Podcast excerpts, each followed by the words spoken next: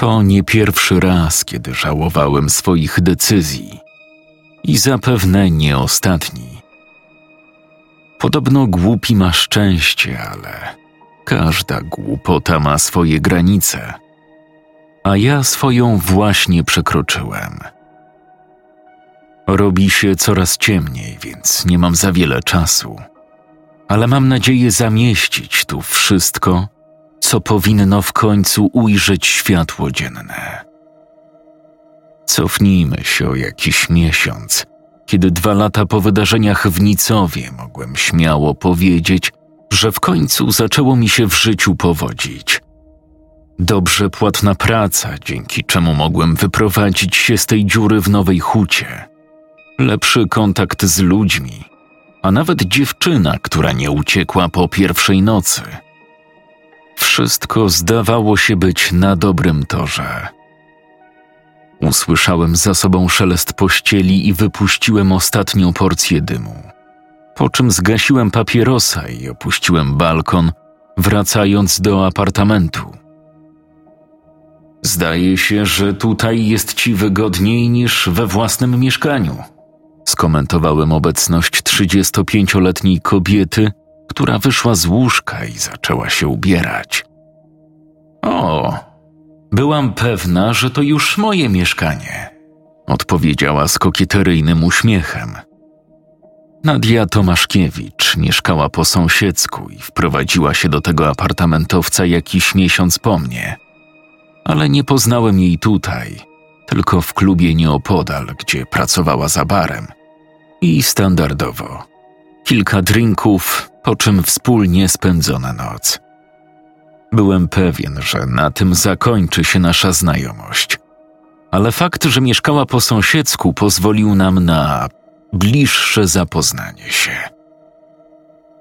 Zostawiasz damę samą na swoich tajemniczych włościach? Niedobry chłopiec. Nadia zgarnęła z patelni resztę jajecznicy, po czym zajrzała do lodówki. Mimo, że znaliśmy się już rok, wciąż nie potrafiła pojąć mojej pracy.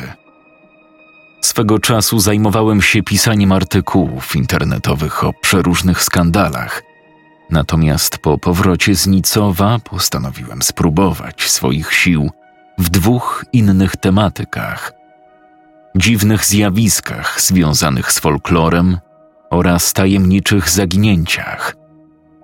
Niby nic takiego i powinno to być słabo płatne, ale dzięki moim artykułom o zaginionych wiele takich osób zostało odnalezionych, ponieważ zainteresowanie moimi tekstami było większe niż zwykłymi ogłoszeniami. Nadia jednak uważała to za śmieciową robotę. Często drwiła, twierdząc, że sam ukrywam jakieś ciała albo mam inny mroczny sekret. Bądź tak miła zamknąć drzwi, jak będziesz wychodzić. Powiedziałem, zbierając nowo zakupione książki w plecak. Nadia usiadła na krześle, przyglądając mi się w zastanowieniu. Znowu jedziesz do tego sierocińca? Zaadoptuj ją w końcu. Będzie mniej zachodu. Już o tym rozmawialiśmy. Wrócę za kilka godzin. Nadia pomachała mi, racząc się papierosem, mimo że tyle razy mówiłem jej, żeby nie paliła tego w środku mieszkania. Dom dziecka imienia Michała Anioła. Od półtora roku jeździłem tu dwa razy w tygodniu. Dlaczego? zapytacie. Pewnej feralnej zimowej nocy, półtora roku temu, pewna dziewczynka straciła rodzinę i dach nad głową. Miała tylko matkę, którą uznano za zaginioną, więc napisałem o tym artykuł. Poszukiwania przebiegły dość sprawnie, ale niestety rodzicielkę znaleziono martwą w Wiśle. Po tej tragedii namówiłem opiekę społeczną, żeby przekazano dziewczynkę pod skrzydła pani Eli. I do czasu, kiedy nie znajdzie nowego domu, zostałem jej dobroczyńcą i nieformalnym opiekunem.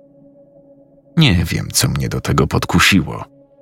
Być może ta dziewczynka przypominała mnie, gdy sam straciłem rodziców? Być może też nie chciałem, żeby czuła się odrzucona, tak jak ja. Dzień dobry, powiedziałem, wpadając w progu na panią Dominikę, jedną z opiekunek sierocińca.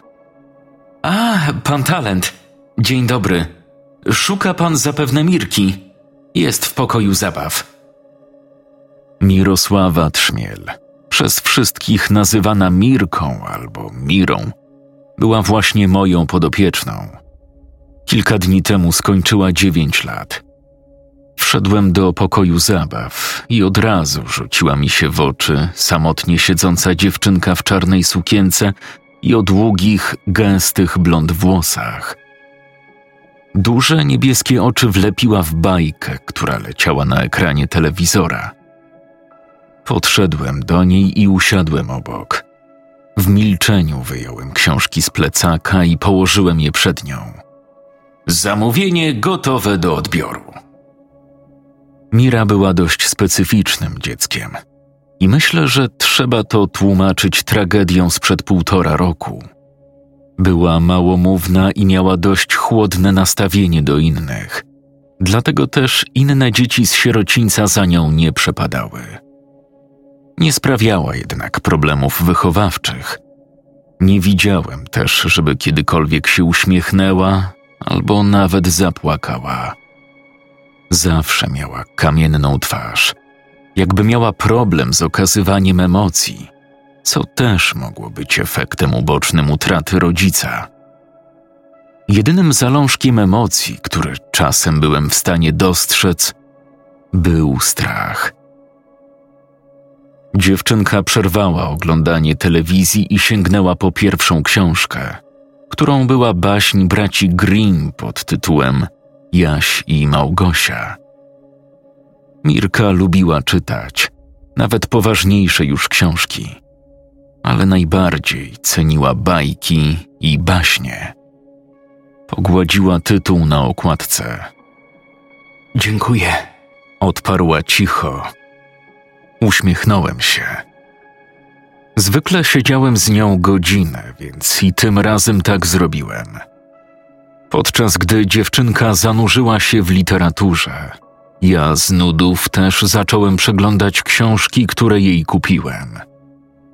Poza Jasiem i Małgosią była również Roszpunka i któreś z rzędu przygody muminków.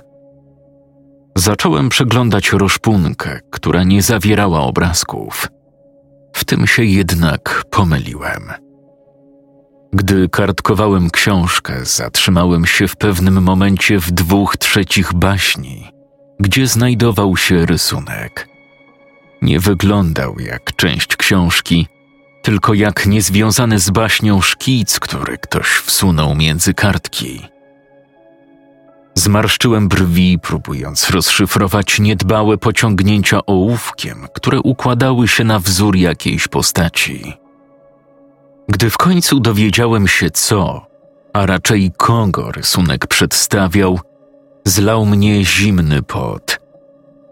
Już miałem nadzieję nigdy o nich nie pomyśleć, ale byłem w stu procentach pewien, że miałem przed oczami szkic demonicznej postaci szeptuchy. Wzdrygnąłem się, słysząc grzmot za oknem, który okazał się ciężarówką rozładowującą towar w magazynie obok sierocińca. Odetchnąłem z ulgą i wróciłem wzrokiem na szkic, tym razem odrzucając go z przerażeniem. Szeptucha na nim zmieniła pozycję. Potrząsnąłem głową i z powrotem podniosłem kartkę. Rysunek wyglądał tak jak wcześniej – nic się na nim nie zmieniło. Przecież ona nie żyje, mówiłem sobie w myślach. Przecież spaliliśmy ciało Łękomiry w Nicowie. Łękomira była jedną z czterech potężnych szeptuch, zwanych czterema siostrami zagłady, która kilka wieków temu razem ze swoimi siostrami zginęła oskarżona o praktykowanie czarnej magii.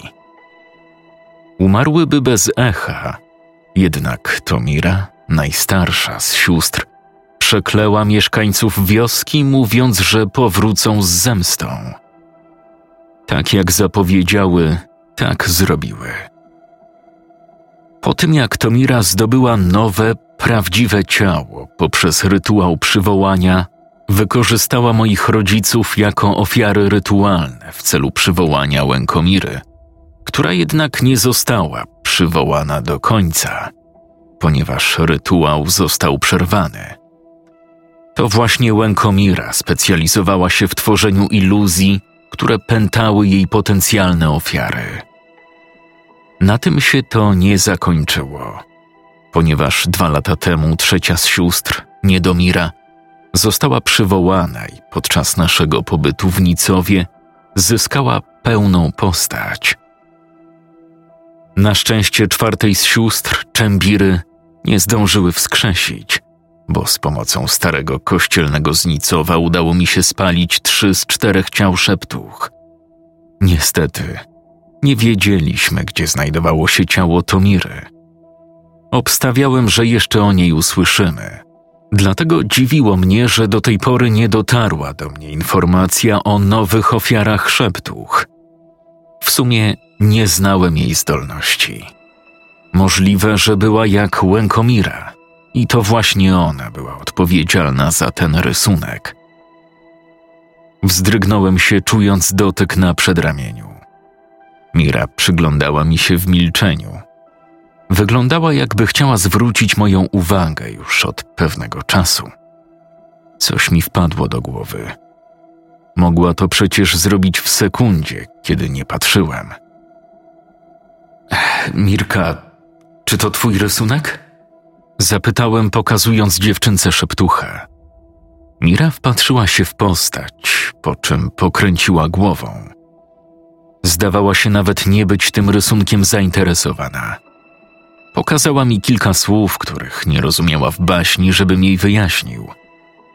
Ostatni raz spojrzałem na rysunek i wyrzuciłem go do śmietnika. Po godzinie zacząłem zbierać się do wyjścia. Właśnie dochodziłem do drzwi, kiedy ktoś chwycił mnie za tył kurtki.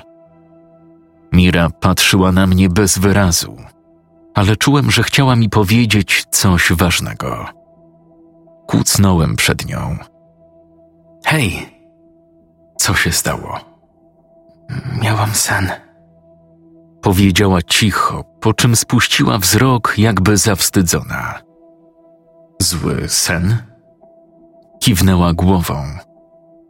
Nie przejmuj się. Wszyscy miewamy koszmary. Nic nie odpowiedziała i nie odeszła, więc najwyraźniej nie zareagowałem tak, jak tego oczekiwała. O czym był ten sen? Było ciemno przez dłuższy czas. Potem pojawiło się delikatne światło. Migało, jakby tańczyło na wietrze. Gdy podeszłam bliżej, usłyszałam czyjś oddech, jakby ktoś wypuszczał powietrze z ust, a światło nagle zgasło. Wtedy poczułam dym. Słuchałem tego w napięciu. Nie potrzebowałem sobie wyobrażać, jak mógł wyglądać sen Miry. Wystarczyło moje wspomnienie sprzed dwóch lat. To, co powiedziała, idealnie opisywało filmik, od którego mój koszmar się wtedy zaczął. Co się stało później? Światło zniknęło, ale widziałam dym. Stworzył ścieżkę. Ścieżkę? Tak. Poszłam nią, ale zanim doszłam do końca, obudziłam się. Nie miałem wątpliwości, że taki sen mógł ją przestraszyć. Realistyczne sny, kiedy nasze zmysły działają jak na jawie, są najgorsze. Potem budzisz się i nie wiesz, czy już na pewno sen się skończył. Pocieszyłem ją, kładąc dłoń na jej głowie. To tylko sen. Nie myśl o nim. Poczytaj dziś przed spaniem muminki. Na pewno poprawi ci się nastrój. Kiwnęła głową. Przytuliła mnie, po czym pobiegła do pokoju zabaw. Wyprostowałem się, nie odrywając wzroku od drzwi, za którymi zniknęła. Czy to się często zdarza? Te koszmary? Zapytałem Dominiki. Od czasu do czasu tak, ale to nie jest ewenementem w przypadku osieroconych dzieci. Większość z koszmarów jest spowodowana traumą z dzieciństwa. Dzieci opowiadają mi swoje sny, zwłaszcza te złe, ale pierwszy raz słyszę to z ust Mirki. Faktycznie, tylko z panem rozmawia. Zmarszczyłem brwi. Kusiło mnie, żeby wypytać dziewczynkę o szczegóły, ale zrezygnowałem i opuściłem sierociniec. Zanim zapaliłem silnik, zerknąłem niepewnie na swoją prawą dłoń. Nie zwracałem tak na to uwagi do tej pory, ale obawiałem się, że to jednak coś znaczyło. Westchnąłem i ruszyłem. Po załatwieniu kilku spraw na mieście wróciłem do apartamentu. Tam zastałem otwarte drzwi. Znowu westchnąłem i wszedłem do środka, zamykając je na klucz. Nie nauczy się, pomyślałem ze złością, mając na myśli Nadię. Albo robiła mi na złość, albo znowu zgubiła swoją parę kluczy i nie chciała się do tego przyznać. Wypakowałem zakupy i już skierowałem się do swojego gabinetu, kiedy coś przykuło moją uwagę. Okno balkonowe było otwarte. Bez większego namysłu chwyciłem najostrzejszy nóż kuchenny, jaki miałem, po czym ruszyłem w stronę balkonu, po drodze nasłuchując. Nie słyszałem nic poza swoimi krokami i lekkim podmuchem wiatru targającym dół zasłon. Tętno mi przyspieszyło, kiedy coś w końcu zobaczyłem. Zatrzymałem się w połowie drogi, gapiąc się na bose stopy znajdujące się na balkonie, częściowo przesłonięte zasłoną. Mój mózg w momencie przywołał wspomnienia sprzed dwóch lat i zrobiło mi się niemal słabo ze strachu. Zacisnąłem dłoń na rękojeści noża, modląc się, żeby był skuteczny. Wziąłem głęboki wdech i rzuciłem się na postać, jednak kiedy wypadłem na balkon, nikogo na nim nie było. Rozejrzałem się. Wyjrzałem nawet poza barierkę, pewny, że ten ktoś skoczył. Potrząsnąłem głową zdezorientowany. Znowu pieprzone halucynacje?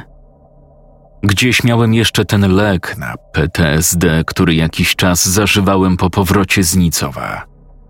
Chyba nie miałem wyboru i musiałem do niego wrócić. Panie talent. Usłyszałem nagle szept przy uchu i omal sam nie spadłem z dziesiątego piętra. Wróciłem szybko do mieszkania, rozglądając się gorączkowo. Wyłaś, suko! Przysięgam, że spotka cię dokładnie ten sam koniec co dwa lata temu! W tym momencie rozległ się chichot za moimi plecami i z wielką niechęcią odwróciłem się. Moim oczom ukazała się ostatnia osoba, której bym się tutaj spodziewał. Przede wszystkim dlatego, że zabiłem ją właśnie dwa lata temu. Ubrana w czarną sukienkę z długimi i szerokimi rękawami, jakby brała udział w jakimś tanim cosplayu. Siedziała na barierce, założywszy noga na nogę. Na ramiona spływały jej długie, mysie włosy, a spod krzywo ściętej grzywki spoglądały na mnie duże, szare oczy. Na jej piegowatej twarzy malował się szeroki uśmiech, nie wróżący niczego dobrego. Nie do Mira. Zacisnąłem zęby i rzuciłem w nią nożem. Ona jednak zgrabnie go uniknęła i zeskoczyła lekko na płytki. Nie była boso jak przed momentem. Jak? Jakim cudem przeżyłaś? Idealne słowa powitania jak na ciebie, Des powiedziała szeptucha, przechadzając się bezszelestnie po apartamencie. Dotykając moich mebli, w pewnym momencie chwyciła szminkę Nadi, którą ta musiała przypadkiem zostawić. O, dziewczyna? Jak uroczo. Chyba, że zmieniłeś branżę. Ty. Ty nie jesteś niedomirą. Kobieta uśmiechnęła się jeszcze szerzej i opadła na kanapę, przyglądając mi się z ciekawością. W tym momencie zrozumiałem i nie wiedziałem, czy się cieszyć, czy wręcz przeciwnie. Łucja. Łucja Zielińska zachichotała i klasnęła, potwierdzając swoją tożsamość. Zaskoczyła mnie. Wprawdzie przeczuwałem, że przeżyła i gdzieś tam kontynuowała swoje podstępki, ale nigdy nie spodziewałbym się ujrzeć kobietę bliżej mojego wieku. Oczekiwałbym trzynastoletniej dziewczynki, którą w tym momencie powinna być. Łucja była ze mną w Nicowie i pomagała mi w unicestwieniu trzech z czterech sióstr zagłady. Przynajmniej z pozoru. Ostatecznie okazała się zdradliwą suką, która tylko czekała, aż świeca szeptuchy dostanie się w jej ręce. Chciała wykorzystać ją do własnych celów. Po tym, jak ukradła świecę, zniknęła bez śladu. Zamknij buzię, bo ci się tam pająk rozgości. Wspominałam o moim wyjątkowym przypadku. Nie mów, że nie pamiętasz. A może moja uroda aż tak cię oszołomiła? Położyła się wzdłuż kanapy. Cięty język jest twoim znakiem rozpoznawczym. Poza tym tak, pamiętam, co powiedziałaś wtedy. Nie, że w to nie wierzyłem. Teraz we wszystko byłbym w stanie uwierzyć. Jednak fakt, że na jedenastoletnim dziecku od ponad dwudziestu lat ciążyła klątwa nieśmiertelności, był dość dziwacznym zjawiskiem, nawet jak na czarownicę, za którą Łucja się podawała. Klątwa ta została rzucona na nią przez jej adopcyjną matkę Tomirę, będącą jedną z tych przeklętych szeptuch, które praktykowały czarną magię i której ciała nie udało nam się znaleźć w Nicowie. Zaklęcie nieśmiertelności było podobno chwilowe jako zabezpieczenie na wypadek, gdyby coś się stało Tomirze, a chciała mieć kogoś, kto nawet sto czy dwieście lat później mógł ją z powrotem wskrzesić. Najwyraźniej Łucja zdołała przywołać Tomirę przy pomocy świecy szeptuchy pozbywając się tym samym klątwy i wracając do swojego prawdziwego wieku. Łucja nie spuszczała ze mnie wzroku, dlatego odwróciłem swój z obawy, że to była kolejna jej sztuczka. I? Nie dostanę buzi na powitanie? Mów czego chcesz i zejdź mi z oczu. Raz na zawsze. O, Des, nie bądź taki oschły. Tyle razem przeszliśmy, tak. Tylko po to, żeby na koniec okazało się, że jesteś zdradliwą suką.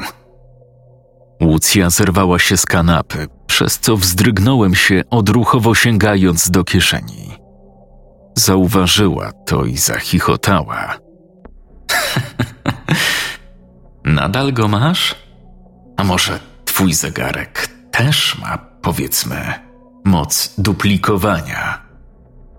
Bez słowa zacisnąłem dłoń na zegarku kieszonkowym, który otrzymałem od swojej biologicznej matki.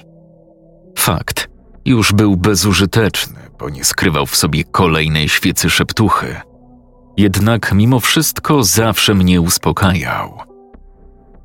Mów czego chcesz, albo wezwę policję. Nie jesteś duchem, więc bez problemu możesz pójść siedzieć.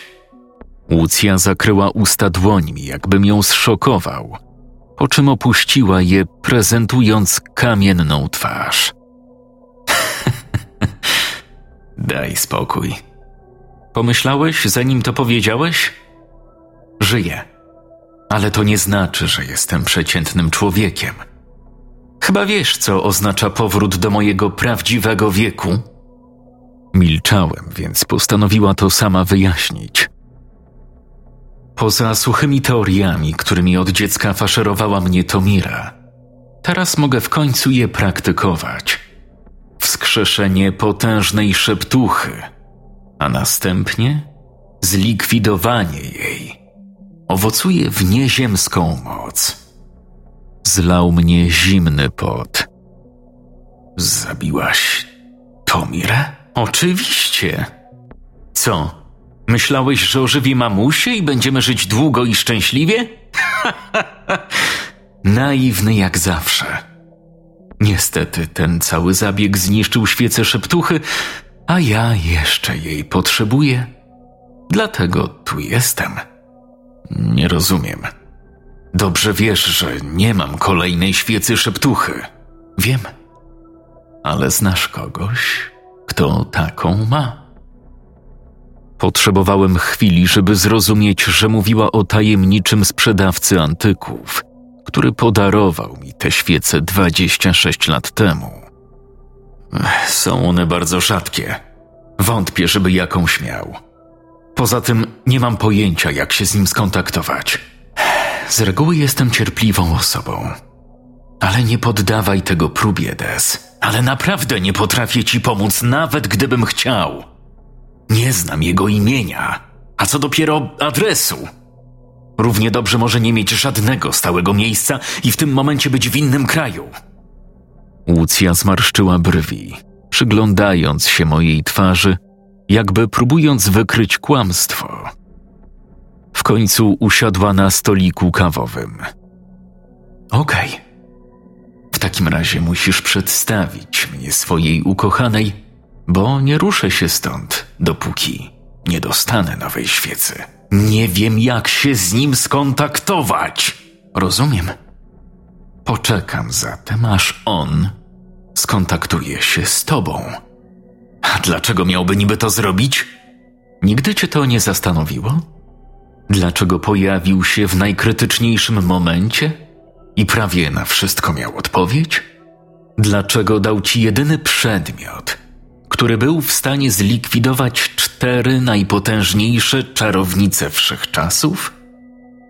Dlaczego pojawił się akurat przed tobą? Był przecież jeszcze stary Głowacki, również mąż stanu, który miał więcej doświadczenia od ciebie.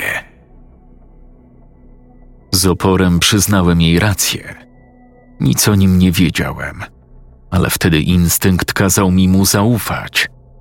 Być może dlatego, że wtedy, poza starym Głowackim, nie mogłem zaufać nikomu innemu. Jednak sprzedawca antyków nie tylko pomógł nam w Nicowie, uratował mnie przed Tomirą, jak byłem dzieckiem.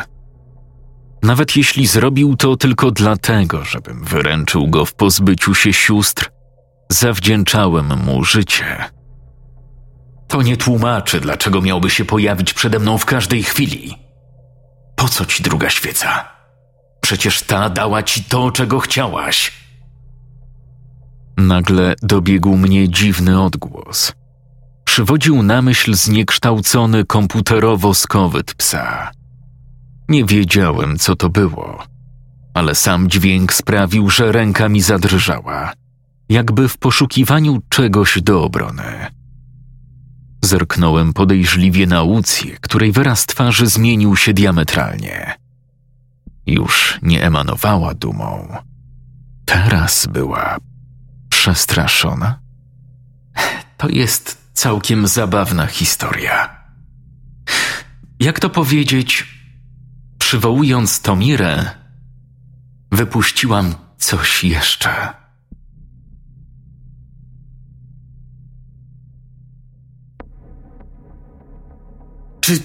Czy ciebie już doszczętnie popieprzyło? Wypchnąłem Łucję z mieszkania i ruszyłem w stronę schodów przeciwpożarowych.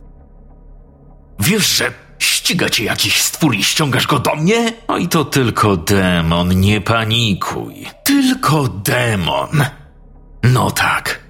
Czego innego miałem się po tobie spodziewać? Może poświęcisz go w swoim kolejnym rytuale? Albo zabijesz swoją czarną magią? Przecież jesteś taka potężna. Zatrzymałem się gwałtownie, czując coś ostrego przy gardle. Zerknąłem w lewo i w odbiciu drzwi windy, prostopadle, do których znajdowały się schody. Ujrzałem coś na wzór zniekształconego cienia, który obejmował moją szyję W odbiciu drugich drzwi windy zauważyłem Łucję. Wyglądała przerażająco, jakby ją coś nagle opętało. Myślisz, że nie próbowałam wszystkiego? Zapytała cicho. Miała lekko uniesioną dłoń, więc zrozumiałem, że ta cienista kreatura była jej wytworem. Myślisz, że do tej pory nie ukrywałam się, z desperacją próbując znaleźć sposób, żeby się tego pozbyć? To monstrum jest niezniszczalne. Dopiero niedawno dowiedziałam się, że świeca szeptuchy może mi pomóc w zlikwidowaniu tego. Opuściła dłoń i cień zniknął, dzięki czemu znów mogłem swobodnie oddychać. Odwróciłem się do niej. Wyraz jej twarzy złagodniał i teraz zdawała się być niemal znudzona obecną sytuacją. Myślałeś, że wróciłam, bo się za tobą stęskniłam? Naprawdę, Des. Zejdź na ziemię. Zignorowałem jej ostatnią uwagę. Co to było? To coś. A, to. Taki mały prezent od Tomiry. Dobrze wiesz, że jej profesją za życia były egzorcyzmy. W związku z tym, po jej śmierci, zamiast odsyłać zło, zaczęła je przywoływać. Można to nazwać niepełną nekromancją. A dlaczego niepełną? To był tylko cień zmarłego. Cień, który błąkał się w okolicy. Masz chyba kogoś na sumieniu, Des. Uśmiechnęła się szeroko. Ciarki przeszły mi po plecach. Nie chcąc myśleć, ile osób przeze mnie mogło umrzeć na przestrzeni lat, bez komentarza wszedłem na klatkę schodową. Co cię w ogóle ściga? I dlaczego cię ściga? Na pewno przez tyle czasu miałaś okazję to sprawdzić. Zapytałem, kiedy usłyszałem kolejne wycie dochodzące z któregoś piętra nad nami. Pewnie, że szukałam o tym informacji. Nic jednak nie znalazłam. Jedynie, że to jakieś straszydło z polskiego folkloru. Diabeł czy coś takiego. Od jakiegoś czasu sam interesuję się folklorem słowiańskim, właśnie ze względu na szeptuchy. Mimo, że nie jestem jego znawcą, ten prymitywny opis przywiódł mi na myśl tylko jedno stworzenie. Masz na myśli Dytko? Demon zwierzeń słowiańskich, sprowadzony później do roli nocnego straszydła? Tak, to chyba ten. A skąd wiesz? Zgadłem. Odparłem z sarkazmem. Jej zdolności technologiczne najwyraźniej pozostały na etapie jedenastolatki z lat osiemdziesiątych. Jak to wygląda? Nigdy tak dokładnie się temu nie przyjrzałam, ale na pewno jest ode mnie wyższa. Musi mieć co najmniej dwa metry wzrostu. Jest też nieproporcjonalny i niezgrabnie się porusza, choć szybko. Na pierwszy rzut oka wygląda na zdeformowanego pająka. Wydziela też dziwny zapach. Chyba jakiejś rośliny, ale nie pamiętam jakiej. Zapach rośliny? W tym momencie sam poczułem zapach sosny. Zamarłem, zatrzymując się tak nagle, że Łucja wpadła we mnie z impetem i omal nie zlecieliśmy ze schodów. Po chwili usłyszałem posuwiste kroki z akompaniamentem dziwnych pomruków. Jakby naszym śladem podążało kilku zombie. Dlaczego nie działa na to twoja czarna magia? Syknąłem, gdy weszliśmy w korytarz na czwartym piętrze. A skąd mam wiedzieć? Próbowałam. Przerwał jej huk, który niemal posłał mnie na podłogę.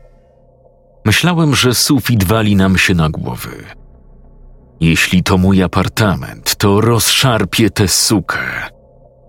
Skoro wiedziała, że to coś podąża jej śladem, nie powinna była wychodzić z ukrycia.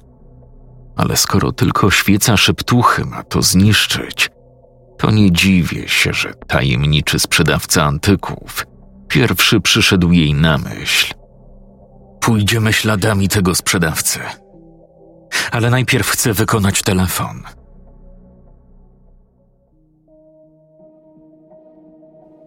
Dytko? Pierwszy raz słyszę. Czyli nie ma to związku z żadną z waszych lokalnych legend? Raczej nie, ale mogę podpytać.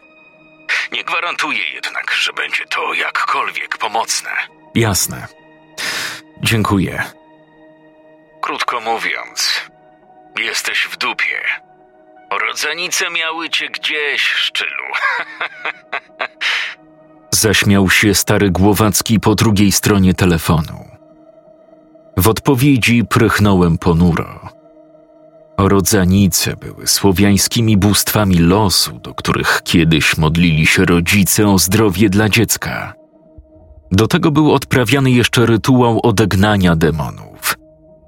W Nicowie i mniejszych miejscowościach najprawdopodobniej jeszcze w to wierzono. W pewnym momencie Łucja wyrwała mi telefon i włączyła na głośno mówiący. Hej, stary pryku! Dalej mieszkasz w swojej rozpadającej się dziurze? To u diabła kto? Zło, które wróciło, tak jak przeczuwaliśmy. Że ta suka wróciła. Nie. Też tak myślałem na początku, ale to Łucja. No właśnie o tej suce mówię. Czyli też spodziewał się tego prędzej czy później. To już wiem, dlaczego pytasz o tego stwora. Powiem tak, talent. Na pewno łóżkowe rytuały z wiedźmą ci nie pomogą. Skąd ci to w ogóle przyszło do głowy? Oczywiście, że z nią nie śpię. Poza tym mam kogoś. No to szykuje się niezła drama. Niestety, nie mogę do was dołączyć. Mam swoje życie na głowie. Powodzenia, jeśli to w ogóle wam coś da. Głowacki rozłączył się, nie czekając na moją odpowiedź. Miałem nadzieję, że nie zapomniał, że ma podpytać o Dytko w swojej okolicy.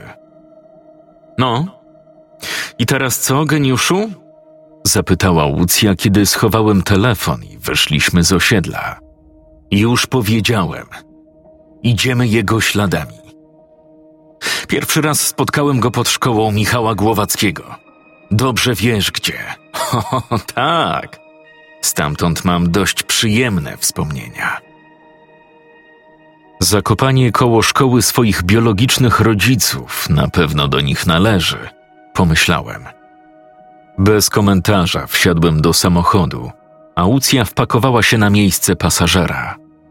Odczułem déjà vu. Było już po dwudziestej, jak dotarliśmy pod szkołę. Zaparkowałem pod żabką i wysiedliśmy, wpatrując się w zamkniętą bramę.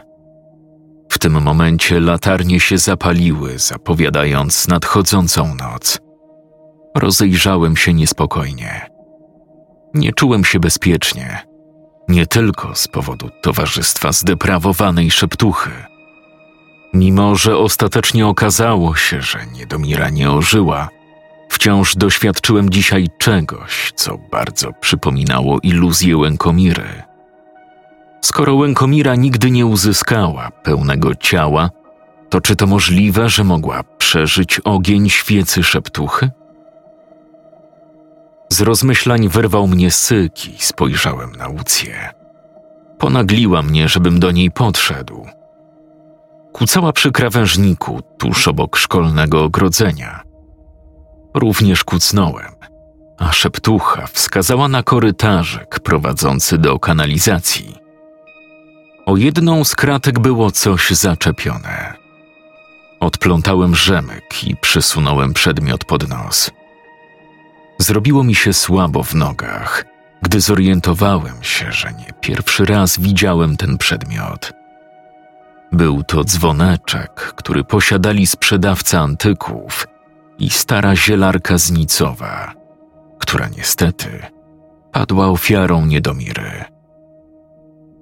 Już dawno domyśliłem się, że zielarka z Nicowa o pseudonimie Pomylona Ilona była najprawdziwszą żyjącą i co najważniejsze, nieopętaną przez czarną magię szeptuchą. Fakt, że straciła zmysły, mógł być efektem jej poprzednich starć ze złem. Sam dzwoneczek po raz pierwszy zobaczyłem w dzieciństwie, kiedy sprzedawca antyków uratował mnie przed Tomirą. Nie znałem jednak jeszcze ani korzeni dzwoneczka, ani pochodzenia tajemniczego sprzedawcy antyków.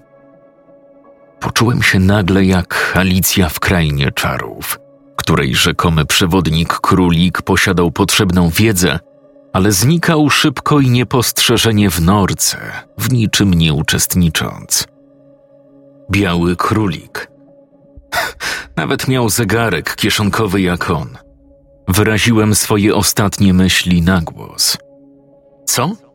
Otrząsnąłem się i schowałem dzwoneczek wstając. Ta babka miała coś takiego. Powiedziała Łucja, wskazując na moją kieszeń, w której już spoczywał dzwoneczek. Co to jest? Nie wiem. Przyjrzałem się jej w zamyśleniu, po czym wyjąłem szybko dzwoneczek i wycelowałem w jej twarz. Kobieta cofnęła się, ale raczej z zaskoczenia niż strachu. Rzuciła mi mordercze spojrzenie. Albo dzwoneczek nie działał, albo był użyteczny tylko w przypadku zmarłych. Byłem pewien, że jego dźwięk odstraszał szeptuchy w Nicowie. Zawróciłem do samochodu, kiedy coś przykuło moją uwagę. Żarówka w jednej z latarni zaczęła mrugać, ale nie to kazało mi się zatrzymać. Koło latarni na pustej ulicy ktoś stał. Zmarszczyłem brwi, wytężając wzrok. Byłem pewien, że to człowiek, ale stał w tak dziwnej pozycji, że nie byłem w stanie stwierdzić płci. Głowę miał przekrzywioną ostro w bok. Był przygarbiony, a nogi miał powykrzywiane, jakby przed momentem uczestniczył w jakimś wypadku i połamał kości. Gdy minęła minuta i postać nie poruszyła się, uznałem to za grę cieni albo moją wyobraźnię. Ale jak tylko postawiłem krok w bok, postać cofnęła głowę do pozycji pionowej tak gwałtownie, że nie potrafiłem powstrzymać cichego przekleństwa. Czy to twoja robota? Ale co? Dopiero teraz odwróciła się i zobaczyła to, co ja. Spadamy. Co? Spadamy! To to! Pobiegła w stronę samochodu, ale w tym momencie postać pochyliła się do przodu i z pleców wyrosły jej odnóża? Podczas gdy jedno z nich wystrzeliło ku szeptusze, do moich nozdrzy dotarł zapach sosny. Dokładnie ten sam, który poczułem w bloku. Dytko uderzył Łucję w brzuch, przez co poleciała z powrotem w moją stronę. Uchyliłem się i uderzyła w ogrodzenie, wyważając bramę i zatrzymując się dopiero pod drzwiami wejściowymi szkoły. Sam również ruszyłem ku pojazdowi, ale kolejne odnóże podrzuciło mną jak piłką i kopnęło w stronę budynku. Uderzyłem w drzwi, po czym osunąłem się na ziemię z jękiem. Łucja poderwała się na nogi i wytworzyła wokół siebie kilka cieni, które pognały w stronę demona, tymczasowo go dezorientując. Następnie ruszyła w stronę drzwi i zaczęła majstrować przy zamknięciu. Pospiesz się! Nie masz jakiejś wsówki do włosów czy czegoś? Łucja nie odpowiedziała. Rozejrzała się tylko. Ostatecznie chwyciła kamień wielkości przedramienia i uderzyła nim w system alarmowy, a następnie w kłódkę. Dytko w tym czasie posilił się cieniami i szykował do kolejnego ataku. Wpadliśmy do szkoły i od razu rozdzieliliśmy się, uciekając w dwóch różnych kierunkach, choć nie planowałem się rozdzielać. Zwłaszcza, że Łucja, w przeciwieństwie do mnie, do pewnego stopnia mogła się przed tym czymś bronić. Ale z drugiej strony, skoro ona była jego głównym celem, mnie powinno to coś zostawić w spokoju. Zatrzymałem się dopiero na drugim piętrze, chcąc złapać oddech. Gdy wyciszyłem się, wsłuchałem się w otoczenie. Nic. Wokół mnie panowała cisza i ciemność. Jedyne słabe źródło światła pochodziło od latarni przed szkołą i oświetlało fragmenty korytarza, w którym się znajdowałem. Wyjrzałem ostrożnie przez okno, ale na placu przed budynkiem nikogo nie widziałem. Takie pustki na ulicach o 21 w środku tygodnia były niecodziennym widokiem. Zacząłem się nawet zastanawiać, czy przed przybyciem tutaj demon nie pozżerał przechodniów. Sprawdziłem drzwi do kilku klas, ale były zamknięte, a nie chciałem robić niepotrzebnego hałasu. Już miałem zejść na pierwsze piętro, kiedy moich uszu dobiegł dawno niesłyszany dźwięk dzwoneczka. Sięgnąłem do kieszeni i ułożyłem sznureczek z nim na otwartej dłoni. Znowu zadzwonił. Zdumiałem się. Nie potrząsałem nim, a i tak wydawał dźwięk. Skierowałem rękę ku schodom. Cisza. Następnie skręciłem w głąb korytarza i znowu zadzwonił. Spojrzałem na jego koniec i ogarnął mnie niepokój. Pomieszczenie naprzeciwko mnie było otwarte. Najwyraźniej tam dzwoneczek mnie prowadził. Tylko czy prowadził mnie w bezpieczne miejsce, czy wręcz przeciwnie? Może poza odganianiem zła potrafiły też do niego prowadzić. Wahałbym się dłużej, ale w tym momencie, gdzieś od strony schodów, usłyszałem odgłos tłuczonego szkła, więc prawie w podskokach pognałem do otwartej klasy. Była to klasa chemii. Stoliki ustawiono w prostokąt i na każdym z nich znajdował się zestaw do robienia różnych eksperymentów chemicznych. Ciekawy zabieg. Za moich czasów mieliśmy samą teorię i zapamiętywanie tablicy Mendelejewa. Podszedłem do tablicy, oświetlając ją latarką z telefonu. Znajdował się na niej napis markerem. Na pewno ci się to przyda. Ciarki mi przeszły po plecach. Gdzieś już to słyszałem. Podążyłem za strzałką pod tekstem, podchodząc do biurka nauczycielskiego. Na nim był niedbale zapakowany w brązowy papier przedmiot, a na nim kolejny dzwoneczek. Przyjrzałem mu się niepewnie. Wyglądał identycznie jak te, które były w moim posiadaniu. Następnie ostrożnie rozpakowałem prezent i moim oczom ukazał się telefon. Co więcej, była to Nokia 3310. Obejrzałem ją zaciekawiony. Nie miałem takiej w rękach od czasów dziecka. Byłem pewien, że już ich nie produkują, dlatego zdziwiłem się jeszcze bardziej, gdy zorientowałem się, że komórka działa i ma nawet wpisany jeden kontakt. Biały królik? Ciepło mi się zrobiło ze strachu i rozejrzałem się. Po chwili jednak strach został zastąpiony gniewem. Ten sukin syn obserwował mnie od kiedy tylko tu przyjechałem i nie miał odwagi się pokazać? Już byłem gotów zadzwonić na ten numer, kiedy na korytarzu słyszałem posuwiste kroki, a zapach sosny sprawił, że poczułem się niemal jak w lesie. Szybko schowałem telefon i dzwoneczek do kieszeni bluzy i zanurkowałem pod biurko. Szczęśliwie było ono zabudowane z jednej strony, więc nie byłem widoczny od strony wejścia. Po kilku sekundach kroki ucichły. Zakryłem usta i nos dłonią, wyciszając oddech, jak tylko mogłem. Wiedziałem, że było za wcześnie, żeby wychodzić. Zwłaszcza kiedy dwie sekundy po tej myśli do moich uszu dobiegł dźwięk skrobania bardzo przypominający stąpanie śliskich odnóży, znane z filmów o kosmitach czy gigantycznych pająkach. Gdy stąpanie również ucichło, odruchowo uniosłem wzrok i zamarłem zlany zimnym potem. Na tablicy zauważyłem cień zwisający z sufitu. Po chwili ciało demona wciąż przypiętego do sufitu odnóżami nieco się obniżyło, jakby się rozglądał. Skuliłem się, modląc w duchu, żeby mnie nie zobaczył. Nie ma mnie tu. Nie ma mnie tu, nie widzisz mnie. Tak jak wmawia się to sobie w snach.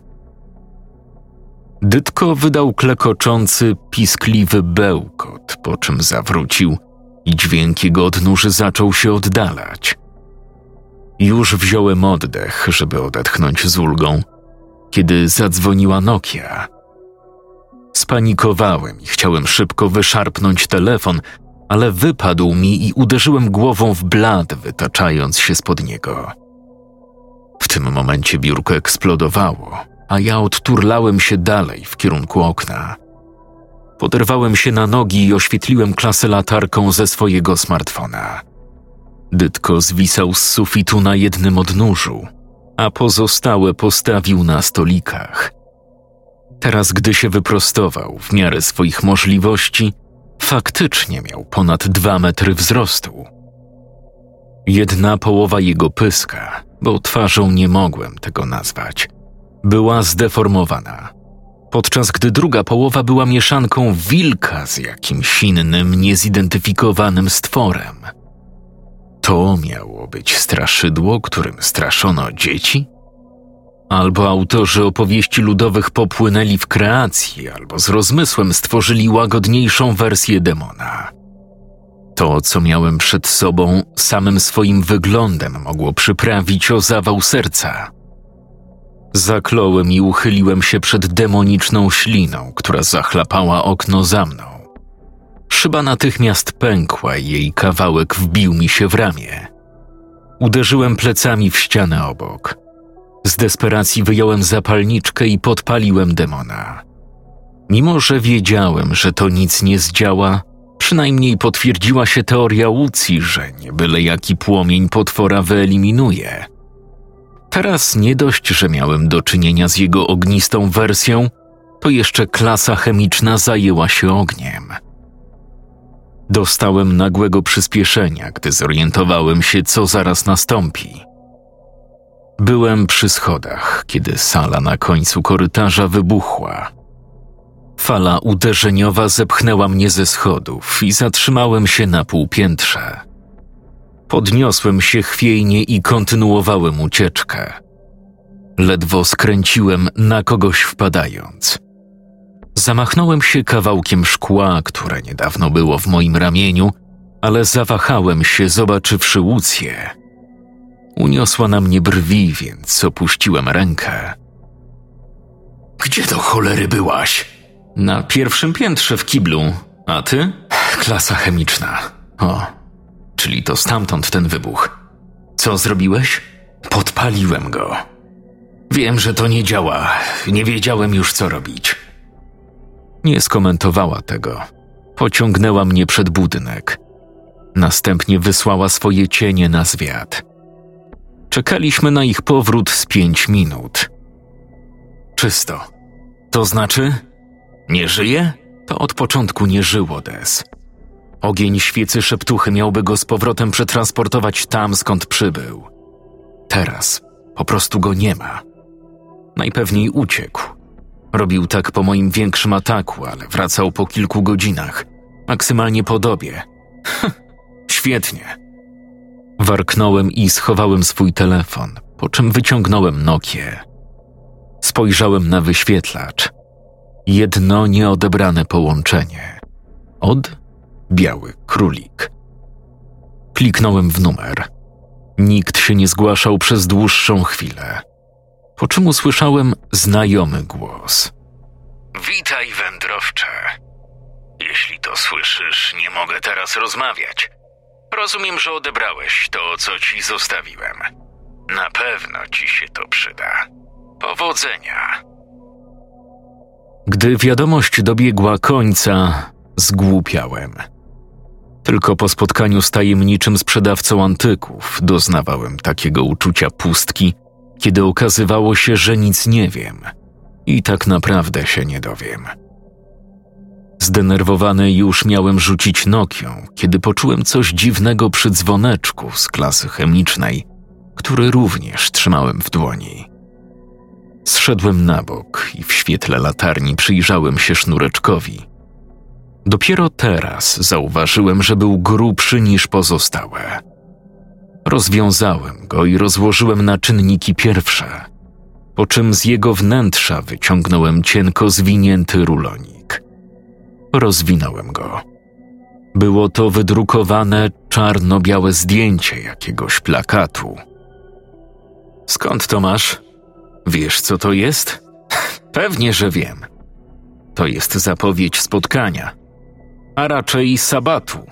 Sabatu? Mówisz sabat czarownic. Rozległ się kolejny głos od strony bramy. Unieśliśmy gwałtownie głowy. Z cienia wyszła wysoka brunetka o jasnych oczach i ostrych rysach twarzy. Miała na sobie typowo podróżniczy ubiór, włączając w to plecak turystyczny.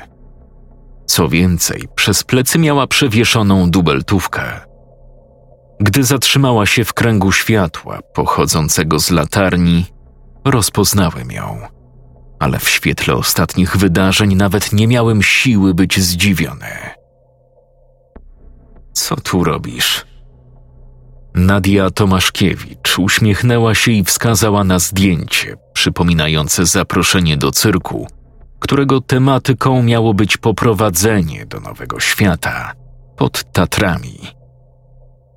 Mówiłam, żebyś skończył z tą śmieciową robotą, Des, powiedziała Nadia, po czym zerknęła ponuro na Łucję, która również nie wyglądała na zachwyconą. Ach, twoja upartość jest jedyną twoją cechą, której nie lubię. Ale dzięki niej przyprowadziłeś mnie do niej. Powoli przeniosłem wzrok z niej na Łucję. Znacie się? Nie tylko Dytko mi siedział na ogonie przez ostatnie miesiące. Odparła Łucja, po czym oddała mi zdjęcie i odgarnęła z twarzy mysie włosy. Myślałeś, że tylko czarna magia zaczęła powracać na światło dzienne? Od zawsze byli i będą ci, którzy z nią walczą. Nadia odwzajemniła uśmiech, po czym sięgnęła po dubeltówkę. Na przykład polując na czarownicę.